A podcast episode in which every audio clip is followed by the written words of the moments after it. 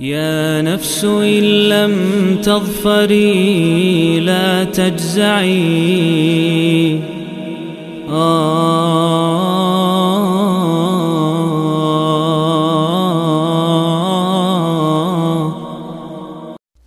Bismillah, walhamdulillah, wassalatu wassalamu ala rasulillahi amma ba' Dalam serial 114 hari menyambut bulan Ramadan kali ini Kita akan dibersamai oleh surat yang ke-26 Surat Ash-Shu'ara Surat Ash-Shu'ara, surat Makiyah Turun setelah surat Al-Waqi'ah Dan sebelum surat An-Naml Surat ini terdiri dari 227 ayat Sehingga menjadikannya sebagai surat dengan jumlah ayat terbanyak setelah surat Al-Baqarah.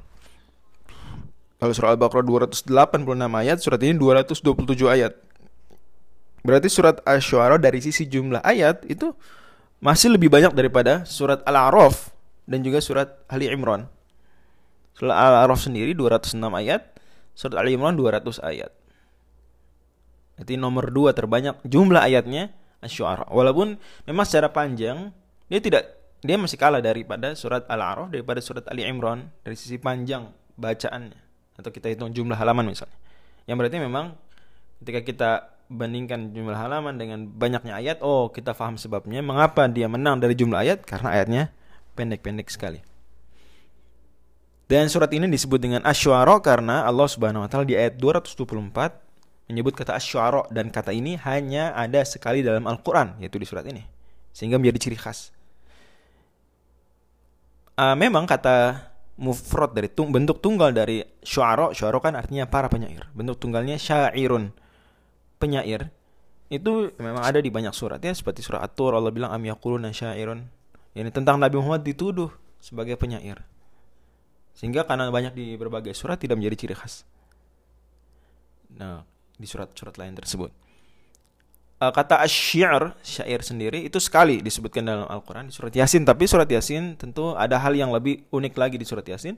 Lebih-lebih kata asyir di situ tidak begitu menggambarkan tema besar surat Yasin justru di surat inilah kata asyara benar-benar menggambarkan tema besar surat asyara di mana tema besarnya adalah urgensi media komunikasi dan informasi ini betapa pentingnya media komunikasi dan informasi ketika dikuasai dan ketika dimaksimalkan untuk kebaikan, bukan untuk keburukan.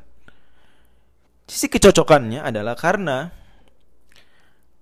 kat, uh, syair, ya, syair di dunia Arab klasik dahulu, termasuk ketika Al-Quran turun, bahkan sampai hari ini, walaupun memang tidak sekuat di zaman uh, ketika awal-awal Islam dan sebelumnya, Syair waktu itu menjadi media komunikasi dan informasi yang sangat penting. Ya kalau sudah keluar syair diucapkan seorang pujangga, ya itu viral akan tersebar dan orang banyak yang menghafal. Orang Arab waktu itu mudah sekali menghafal. Ya kata-kata biasa termasuk syair bahkan. Apalagi ya syair ada aturan dan pola khususnya dipelajari di ilmu arut dan ya sehingga menjadikannya kuat, indah sekaligus juga mudah dihafal.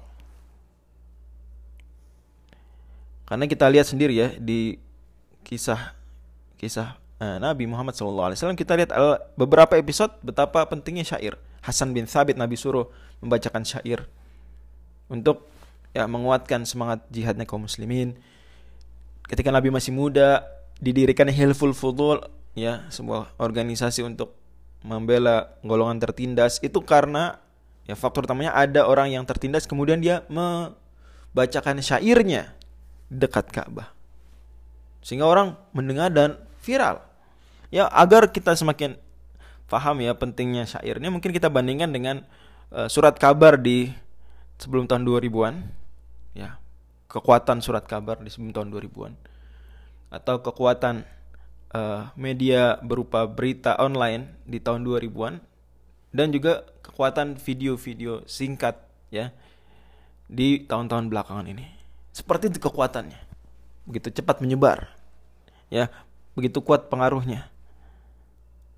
Nah, di antara menggambarkan tema besar ini dalam surat Asy-Syu'ara adalah diulangnya berkali-kali kata mubin. Mubin artinya jelas.